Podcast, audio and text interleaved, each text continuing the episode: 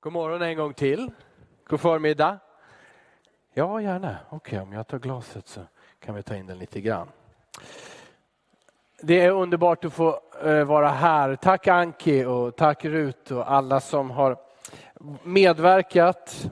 Det är underbart att få jobba tillsammans med er och med Annika som håller i söndagsskolan och barnverksamheten med Malin eh, i ungdomarna, med Johan, Sport for Life och så många mer utav er. Det är fantastiskt att få vara en del av Pingstkyrkan i Eskilstuna. Är det någon annan som tycker så? Kan du? Ja, det var ett par stycken. Härligt! härligt. Jag såg faktiskt flera. Ja, men hörni, jag tänker att predika från Guds ord om en Gud som tänker annorlunda och handlar annorlunda än vi ofta tänker oss det. Vi är framme vid en sista av tre berättelser i Markus eh, evangeliet som liksom hänger samman.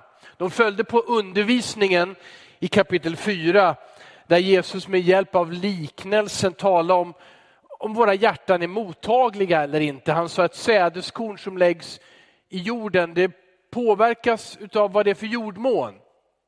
Det vill säga förmågan eller viljan, önskan att ta emot det som Jesus predika. Och Jesus sa att det, gör all skillnad. Inte det som sägs för Guds ord som kommer ur Jesu mun, det är alltid sant. Guds ord som vi läser i Bibeln är alltid sant. Och det har en sån oerhörd kraft i sig. Att det kan förändra våra liv totalt. Och så säger Jesus, ge resultat där vi talar om 30 gånger så mycket, 60 och 100 gånger så mycket. Men där också jordmånen kan göra att vi lyssnar inte, eller vi lyssnar och tycker det där lät trevligt men jag har inte tid för det. Eller ja, det där vill jag ha, men jag vill ju också göra allt det här andra. Och så kan det bara bli att den som inte hade evigt liv utan bara höll fast vid det här jordelivet. Det här har jag, det här vill jag hålla tag i och jag är herre över mig själv. I slutändan förlorar man också det. Jesu ord, att lyssna till dem, att ta emot dem och att göra, handla enligt dem bestämmer livets inriktning och bestämmer evigheten. Efter det så kommer då tre berättelser efter varandra som Markus plockar upp. Och jag tror han gör det också med en bestämd avsikt. Han berättar om hur Jesus i en båt en stormig natt talar till vinden och till vågorna och de bara lägger sig. Hans lärjungar upptäcker att den som är med dem i båten, han har makt över naturen. Han har makt över det skapade på ett sätt som ingen annan människa har. De kommer till stranden på andra sidan Galileiska sjön och emot dem kommer en vansinnig. Det står att han är fylld av tusentals onda andar. Aldrig har någon människa vågat ta itu med en människa som är drabbad och bunden på det sättet. Men Jesus, med bara ett ord, så befriar han och upprättar han den människan. Han var fast sedan årtionden, ingen kunde hjälpa, ingen trodde att det fanns hopp. Men ett möte med Jesus och ett ord ur hans mun gör mannen fri och han lever igen. Jesus har makt över naturen. Han har också makt över de onda andarna och allt som kan binda och förstöra människor. Och I nästa berättelse som vi kommer fram till så möter Jesus en kvinna som var sjuk och han helar henne. En pappa tar med Jesus hem till sin döende dotter som hinner dö innan de kommer fram. Och Jesus väcker henne till liv. Han har inte bara makt över vind och natur, av vågor och hav. Han har inte bara makt över onda andar. Han har makt över varje sjukdomsnöd. Han har till och med makt över döden. Halleluja! Kan man skaka om er på något sätt? Behöver jag lägga händerna på er som Jesus så ni kommer till liv? Säga ett ord? Amen. Amen. Det, är, det här är vad, vad Markus vill. Eller Petrus, för jag tror att det är Petrus som viskade i Markus öra, eller sa till honom, skriv så här, det här var jag med om, jag var med i den båten, jag såg det, jag hörde det, jag såg allt detta som ledde fram till att han som har all den här makten ändå liksom klädde av sig allt det där. Ödmjukade sig, lät sig gripas, fängslas, pinas, torteras och avrättas på ett kors. Ingen maktdemonstration. Fast de ropade, ledarna, de där som aldrig hade trott på Jesus. Kom ner, visa att du är vad du säger att du är. Nej, jag visar inte det. Jag visar det för den som tror. Du ska se hur Jesus handlar annorlunda. Hur han tänker annorlunda, för sån är Gud. Innan vi läser här i Markus 5 så ska vi just för att fånga den tanken, hålla i den, läsa ifrån profeten Jesaja. Han skrev också ett evangelium om Jesus med 700 år innan Jesus hade fötts och kommit. Och bit för bit så kartlägger den här profeten Jesaja vad Jesus skulle göra. Hur han skulle födas, komma hit, predika frihet, ge sitt liv för människor, väckas upp ur graven för att rädda alla som tror. Där ska vi läsa ur Jesaja kapitel 55 om hur Gud är. Och jag läser vers 6 och framåt. Fyra eller fem verser. Sök Herren medan han låter sig finnas. Åkalla honom medan han är nära. Den ogudaktige ska lämna sin väg, den orättfärdige sina tankar och vända om till Herren så att han förbarmar sig över honom och till vår Gud, för han vill gärna förlåta. Stanna där lite kort. Bibeln säger ofta idag, om du hör Herrens röst, tro, kom till honom. Det här är Guds hjärta, han vill förlåta. Han vill hela och upprätta. Hör du det ropet från Gud idag i ditt hjärta? Ta emot honom idag medan han låter sig finnas. Jag säger inte att det inte kan finnas en chans imorgon eller om ett år, men det kan vara svårare. För ofta är det så att ju mer vi försöker gå vår egen väg, desto svårare gör vi det för oss själva att hitta Guds väg. Vi fortsätter att läsa om vår Gud. Vers 8. Mina tankar är inte era tankar och era vägar är inte mina vägar, säger Herren. När liksom himlen är högre än jorden så är mina vägar högre än era vägar och mina tankar högre än era tankar. Gud är inte ologisk, han är inte irrationell. Men det är bara så att han vet saker som vi inte vet. Om oss själva och om alla runt omkring och hela världen. Han ser saker både nu, i framtiden och han vet vad som var i det förgångna. Hans, hög, hans tankar, hans vägar, de är därför annorlunda än våra tankar. Men bara för att vi ska vara säkra så läser vi första hälften av vers 12. Med glädje ska ni dra ut. I frid ska ni föras fram. Detta är Guds vilja och plan för dig älskade människa. Att få gå framåt, leva livet i en glädje och med en frid ifrån Gud. Men sen förstår vi inte alltid allting här och nu. Och med det så ska vi vända oss till Jesus och Markus evangeliets kapitel 5. För vi har en Gud som tänker och handlar annorlunda. Och vi kommer att se det här. Det är två stycken under som liksom har bakats ihop i en slags sandwich. Först börjar det med en pappa som kommer till Jesus och vill ha hjälp. Och Jesus säger, jag följer med hem till dig så ska vi hela din dotter. Ja, men på vägen dit så kommer det andra miraklet, för det har inte hänt något mirakel än, det har bara börjat. Så kommer en annan kvinna och hon rör vid Jesus, ska vi läsa om. Och, och så blir hon helad och så tar Jesus tid för henne och stannar upp. Och, och sen går han vidare hem till den flicka som har hunnit dö under tiden Jesus helade en kvinna. Och så kommer han uppväcka henne.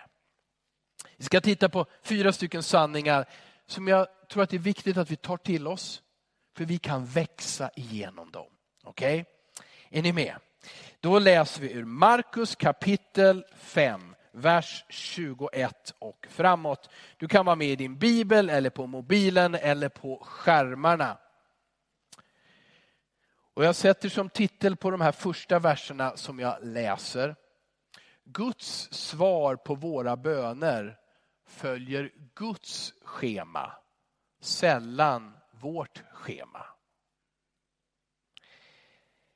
Vers 21. När Jesus var tillbaka med båten på andra sidan samlades en stor folkskara hos honom där han var vid sjön. Jag kan bara påminna om att när han lämnade andra sidan sjön bad de honom att stanna. Nej, ni vet de hade bett honom gå iväg härifrån. Vi behöver inte någon som befriar besatta människor på det där sättet. Men han hade lämnat en evangelist, den mannen som blev befriad. Han lämnade honom och han gick runt och utförde verkligen Jesu verk, predikade om honom. Men när Jesus nu kommer tillbaka till hemtrakten, då står de redan där och väntar och längtar och de vill möta Jesus. Och då står det om en synagogföreståndare i vers 22. En synagogföreståndare som hette Jairus kom dit och när han fick se Jesus föll han ner för hans fötter och bad honom enträget, min dotter är döende. Kom och lägg händerna på henne så att hon blir frisk och får leva. Då gick Jesus med honom. Jag läser strax vidare.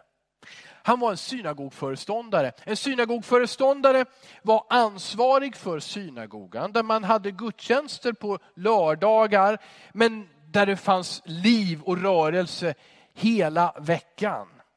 Han Eh, predikade inte på det sättet som en pastor predikar, men han delade in vem som skulle läsa och vad som skulle läsas. Och han ledde människorna i de böner, eller judarna ska vi säga, i de böner som bads. Han hade stort inflytande, hade fått, den här, eh, ja, fått det här uppdraget utav utav byn eller staden där han var, den synagoga som han verkade i. Det här var alltså en av ledarna men i de flesta fallen när vi läser om ledarna så kom de inte på det här sättet till Jesus. Och absolut inte, som det står, att han föll på knä. Han la sig ner inför Jesus och bad honom enträget. En av ledarna som ödmjukar sig, som intar en ställning som en jude bara intog inför vem? Inför Gud. Han kommer med sin nöd han ber Jesus om hjälp för sin dotters skull. Och Lukas evangeliet lägger till att det var hans enda dotter. Och kanske var det hans enda barn. Och vi läser att hon var 12 år gammal. Vi fortsätter och läser i vers 24. Mycket folk följde efter och trängde sig in på honom. Där fanns en kvinna som hade haft blödningar i 12 år. Hon hade fått lida mycket hos många läkare och lagt ut allt hon ägde, men inget hade hjälpt. Hon blev bara sämre. Hon hade hört talas om Jesus och nu kom hon bakifrån i folkmassan och rörde vid hans mantel. För hon tänkte, om jag så bara får röra vid hans kläder blir jag frisk. Genast stannade hennes blödning och hon kände i kroppen att hon var botad från sin plåga. Jesus märkte genast inom sig att det hade gått ut kraft från honom. Och han vände sig om i folkmassan och frågade, vem rörde vid mina kläder? Hans lärjungar sa till honom, du ser hur folket tränger sig in på dig och så frågar du, vem rörde mig vid mig? Men han fortsatte att se sig omkring efter henne som hade gjort det. Jesus har sagt ja till Jairos. Vi går hem till dig Jairos. Din dotter är döende. Det är akut. Det är viktigt. Nu kommer en kvinna som kan man säga har en kronisk sjukdom, definieras inte men hon förlorar uppenbarligen mycket blod. Och det är en lång beskrivning utav henne. Det är en osedvanligt lång beskrivning utav henne, av hennes lidande, de läkare hon hade kontaktat, pengarna som hade tagit slut. Den här kvinnan var oren enligt den judiska lagen. Den som hade blödningar skulle hålla sig undan människor för sju dagar. Också hålla sig borta ifrån sin man och sexuellt umgänge i sju dagar. För hon var oren. Men det här var inte sju dagar, det här var tolv år. Den här kvinnan hade ingen. Hon var utstött. Hon var ansedd som eh, oren. Hon fick inte, alla som rörde vid henne säger det blev också orena. Då måste de också dra sig tillbaka för några dagar enligt den judiska lagen. Hon var utelämnad, hon var ensam. Hon tränger sig på och hon rör vid tofsen av hans mantel. Och Jesu mantel och, och, och, männens mantlar, de hade fyra stycken tofsar med små blå band, står i Moseböckerna. Som skulle påminna dem om att de ska alltid hålla alla Guds bud. Och det inkluderar också de här renhetslagarna. Kvinnan rör vid tofsen. Och Jesus, som är Guds son, han känner det. Han känner naturligtvis inte beröringen på kanten av hans mantel. Det är, mass, det är massor med människor som tränger på och de undrar, hur kan du tro att någon rör vid dig? Alla rör vid dig hela tiden Jesus, vad snackar du om? Det är inte en sån sorts beröring, beröring som man känner av. Utan han är Guds son så han känner, kraft gick ur mig och helade någon. Så han ställer sig och han letar, han, han ser sig om, han frågar. Lärjungarna vill inte hjälpa, säger du fattar väl att någon har rört vid dig? Men han fortsätter och han väntar in. Och om Jairos hade haft en klocka, vad hade han gjort då?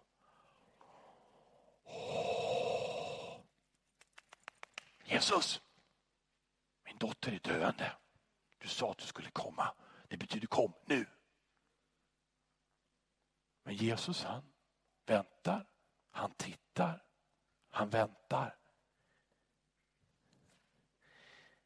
Gud handlar annorlunda.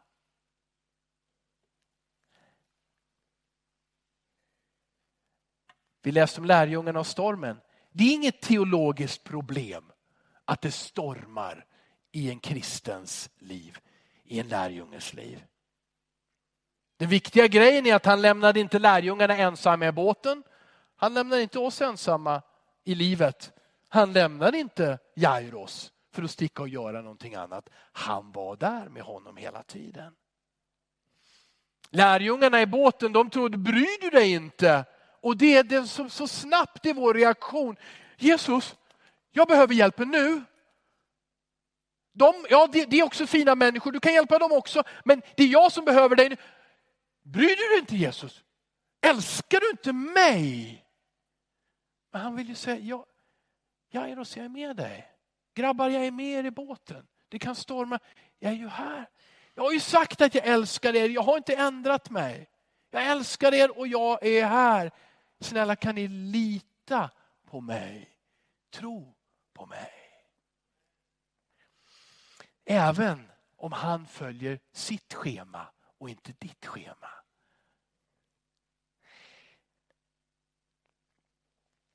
Om vi fortsätter och läser så vill jag ta fram en annan punkt. Det här var Guds svar, Guds svar på våra böner följer Guds schema och sällan vårt schema. Det andra som vi kommer se här, när vi kommer till Jesus så kommer vi i slutändan ge honom mer än vad vi hade tänkt. Och vi kommer att ta emot mer från honom än vi först räknade med. Det här är mötet med Jesus. Det är inte riktigt så som vi tänker oss det. Vers 31 läste jag om hur kraft gick ur kvinnan. Och han vände sig om och frågade, vem rörde vid mina kläder? Kvinnan, i vers 33, kvinnan visste vad som hade hänt med henne. Hon kom och darrade fram och föll ner för honom och berättade hela sanningen för honom. Då sa han till henne, min dotter, din tro har frälst dig. Gå i frid och var frisk och fri ifrån din plåga. Den här kvinnan kom till Jesus för att bli frisk. Hennes tanke var, i hemlighet så rör jag vid hans mantel. Beröringen var ju förbjuden. Hon var ju oren. Jag tar det i hemlighet. Jag måste få bli frisk. Det här är min chans. Men Jesus hade tänkt någonting annat. Det ena är att Jesus gör det offentligt. Någon har rört mig. Kraft har gått ur. Var är du? Ge dig till känna. Och kvinnan kommer darrande och rädd. Fast hon vet att någonting har hänt. Och bekänner att det var jag.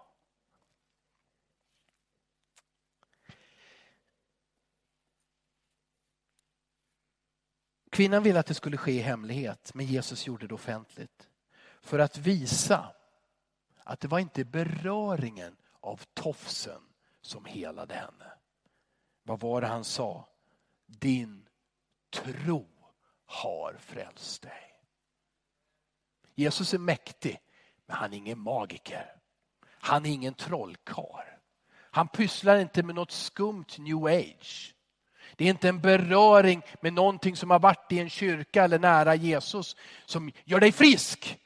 Han säger till kvinnan, kvinna, jag vill att du ska veta vad det är som gjorde dig frisk.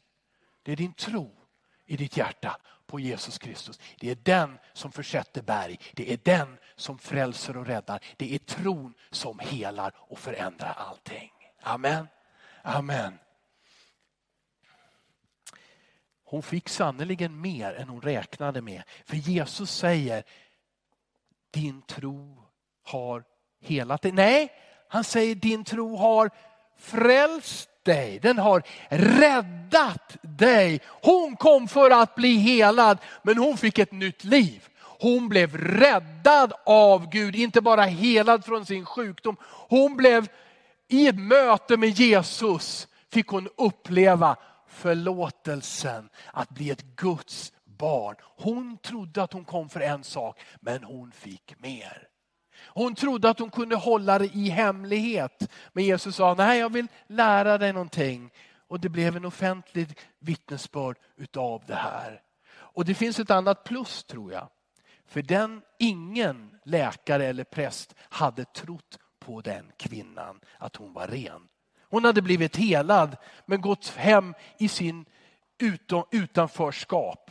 Men inför alla så säger Jesus, du är ren. Och alla visste, hon är upprättad. Så här gör Jesus. Han gör mycket, mycket mer.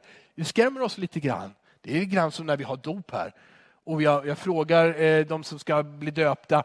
Eh, berätta hur du kom till tro. Ja, så berättar de. Och så säger jag, men vad bra säger jag. När du blir döpt så ska du få berätta det för hela församlingen. Måste jag stå inför den här kyrkan och berätta det? Men jag har aldrig, jag brukar fråga efteråt, jag har aldrig upplevt någon enda som stod här och sa, jag ångrar att jag berättade för alla att jag tror på Jesus. Nej, det är så underbart att få bekänna Jesu namn, vem han är. Amen. Han har alltid mer att ge.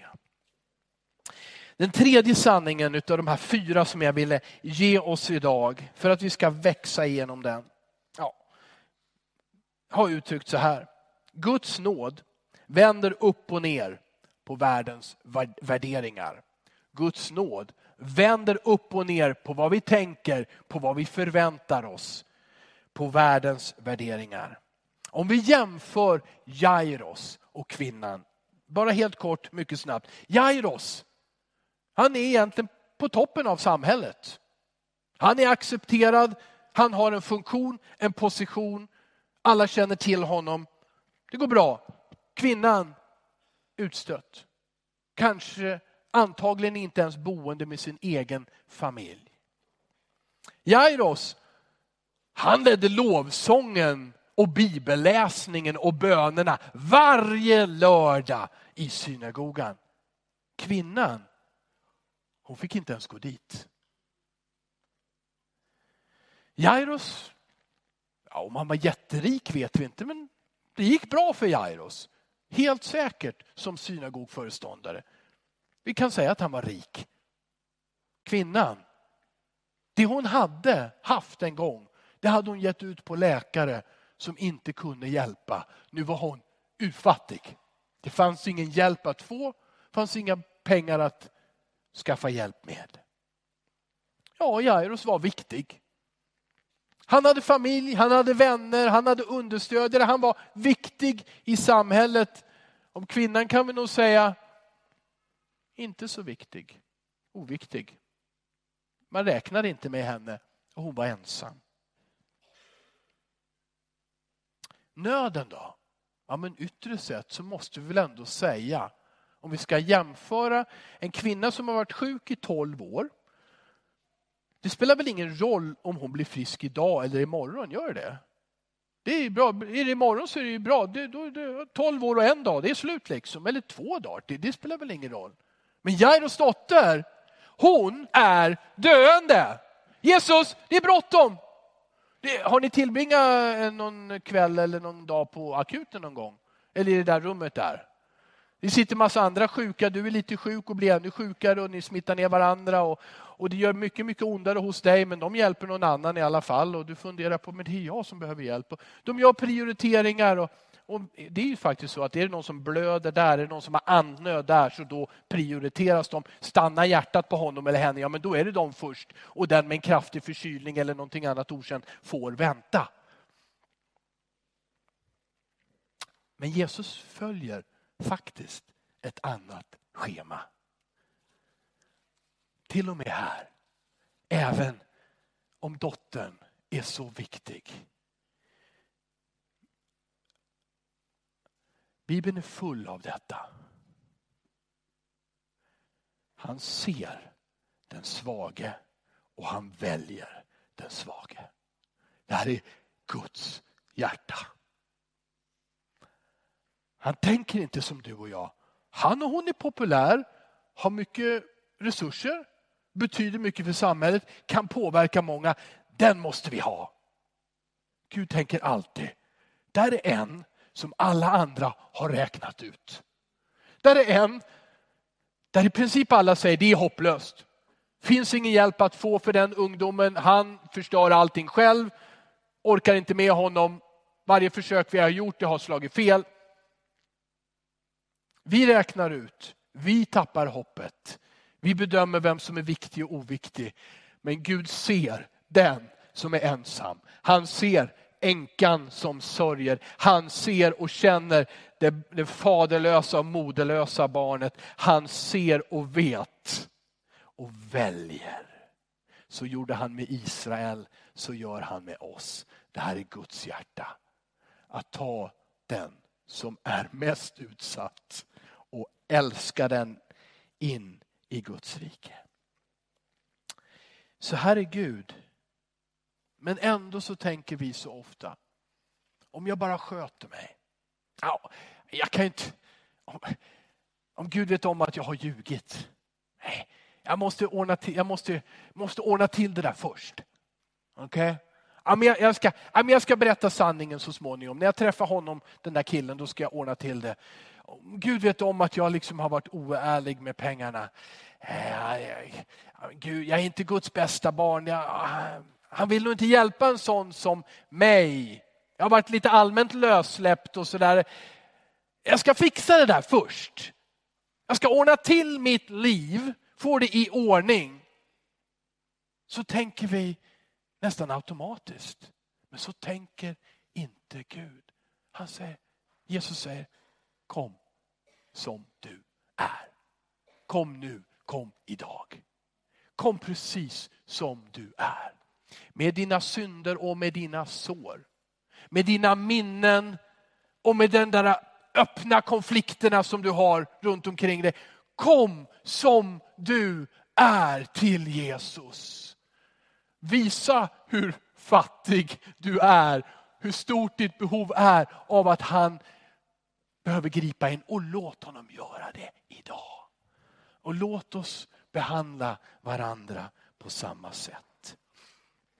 Det allra sista är att Gud är både mäktigare och personligare än vi kan tänka oss.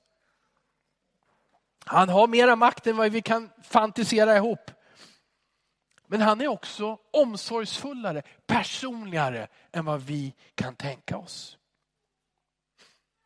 Medan han ännu talade, jag läser från vers 35. Medan han ännu talade kom några från synagogföreståndarens hus och sa, din dotter är död. Varför besvära mästaren mer? Men Jesus fäste sig inte vid deras ord, utan sa till föreståndaren, var inte rädd, bara tro. Han lät ingen följa med utom Petrus, Jakob och hans bror Johannes. De kom till föreståndarens hus. Där såg han upprörda människor som grät och klagade högt. Han gick in och sa till dem, varför är ni upprörda och gråter? Flickan är inte död, hon sover. Då hånskrattar de åt honom. För att jag inte ska glömma att säga det då, då så hon är verkligen död. Eh, det ser vi när vi läser samma berättelse i Lukas evangeliet också. Jesus talar bildligt här. För att han är på gång att uppväcka henne. Så att han säger att hon sover. Och det är det som ofta sen står när man verkligen dör, så står det i Bibeln att man somnar in. Man sover. Det här är, det här är hur, hur Gud ser det, för att för honom är döden aldrig slutet. Det är inte död så som en del av oss skulle kunna tänka oss, att då är allting slut och färdigt, slut, slut, slut. Nej, du sover och väntar för det finns en evighet för varje människa. Och den kan du tillbringa med Gud i himlen i hans nya rike, hans eviga rike. Eller den kan du tillbringa skild ifrån honom i det som Bibeln kallar för helvetet. Vi lever vidare, vi sover. Flickan sov. Vad var alla de här människorna för några? Många av er vet det, men jag får bara lägga till det. I en judisk begravning, eller när någon hade dött, då hämtade man flöjtblåsare och så hämtade man gråterskor. Och en gråterskorna, de, de började tänka på alla andra människor som hade dött tidigare, så man jobbade upp en riktigt ordentlig sorg. Det var inte bara flickan, tänk på flickans morfar, och tänk på mormor och, och tänk på alla andra som har dött och allt elände som har kommit. Så jobbar man upp, så nu var man uppe och upprörda och man grät riktigt rejält när Jesus kom in. Och han bara kommer och säger, nej men varför gråter ni? Gå hem nu. Hon sover bara. Och så hånskrattar de honom för de vet att hon är död. Eh, fortsätter läsa. Han skickade ut allesammans, tog med sig barnets far och mor och sina lärjungar och gick in dit där barnet låg. Och han tog barnets hand och sa till henne, Talita kom. Det arameiska, det betyder flicka. Jag säger dig, stå upp. Genast reste sig flickan och började gå omkring. Och det är Lukas evangeliet som det står här, hennes livsande återvände. Alltså hon var död. Hennes livsande återvände. Hon reste sig och stod upp. Hon började gå omkring. Hon var 12 år och de blev utom sig av häpnad. Men han befallde dem strängt att inte låta någon få veta det. Sedan sa han åt dem att ge henne något att äta. Jesus hade i allting möjligheten att demonstrera sin makt för alla. Men han valde att skicka hem de allra flesta. Till och med nio av lärjungarna fick inte vara med. När Jesus för första gången skulle uppväcka någon från de döda. Han skickade hem gråterskorna och folket och hade bara föräldrarna och tre av lärjungarna i rummet där den döda flickan låg. Han har makt. Och som jag sa i början, landets ledare, de vill visa, visa oss makt, visa oss ett tecken Jesus. Han bara refererar till Jona bok och sa läs den, där finns redan ett tecken, det skedde för så och så många hundra år sedan. Tro på det, då kommer ni tro på mig. Han gjorde inget tecken för dem. De sa kom ner från korset, visa att du är Guds son. Han gjorde inte det. Men han bryr sig om en familj, om en pappa, en mamma och deras enda dotter. Han bryr sig om en flicka som hade dött för tidigt, som vi kanske skulle uttrycka det. Han vill att hon skulle leva. Det är inte viktigt att ta upp flickan på scenen, lägga henne här framme. Alla tittar, alla ser, hon är död, känna efter, vill du, vill du testa? Inget sånt, ingen show. Han bryr sig om dig, om mig, om varje människa. Det här är Guds hjärta. Aldrig en show. Utan han bryr sig. Och han vill att vi ska tänka och handla som han gör. Hans makt är så mycket större än vad vi kan föreställa oss. Jairus hade tro. Gud helar, Jesus hjälper. Ja, jag går till Jesus. Kom och lägg dina händer på min dotter så att hon blir frisk. Han hade tro. Men sen dog flickan. Ja, det har jag aldrig hört talas om. Att någon blir hjälpt. Men Jesus lyssnar inte ens in. Han bara säger, nej kom, bara tro. Det vill säga bara tro på mig, följ med mig. Jairos fick uppleva någonting mycket, mycket större än han trodde den dagen. Han trodde och hoppades på ett helande. Han fick se hur hans flicka blev uppväckt från de döda. Kvinnan hoppades på helande i hemlighet. Hon blev helad, hon blev upprättad i samhället och hon blev frälst för evigheten. Gud gör mer än vad vi kan tänka oss eller föreställa oss. Innan vi har börjat be så vet han vad vi ska be honom om. Och ändå så uppmuntrar han, kom till mig, kom som du är idag.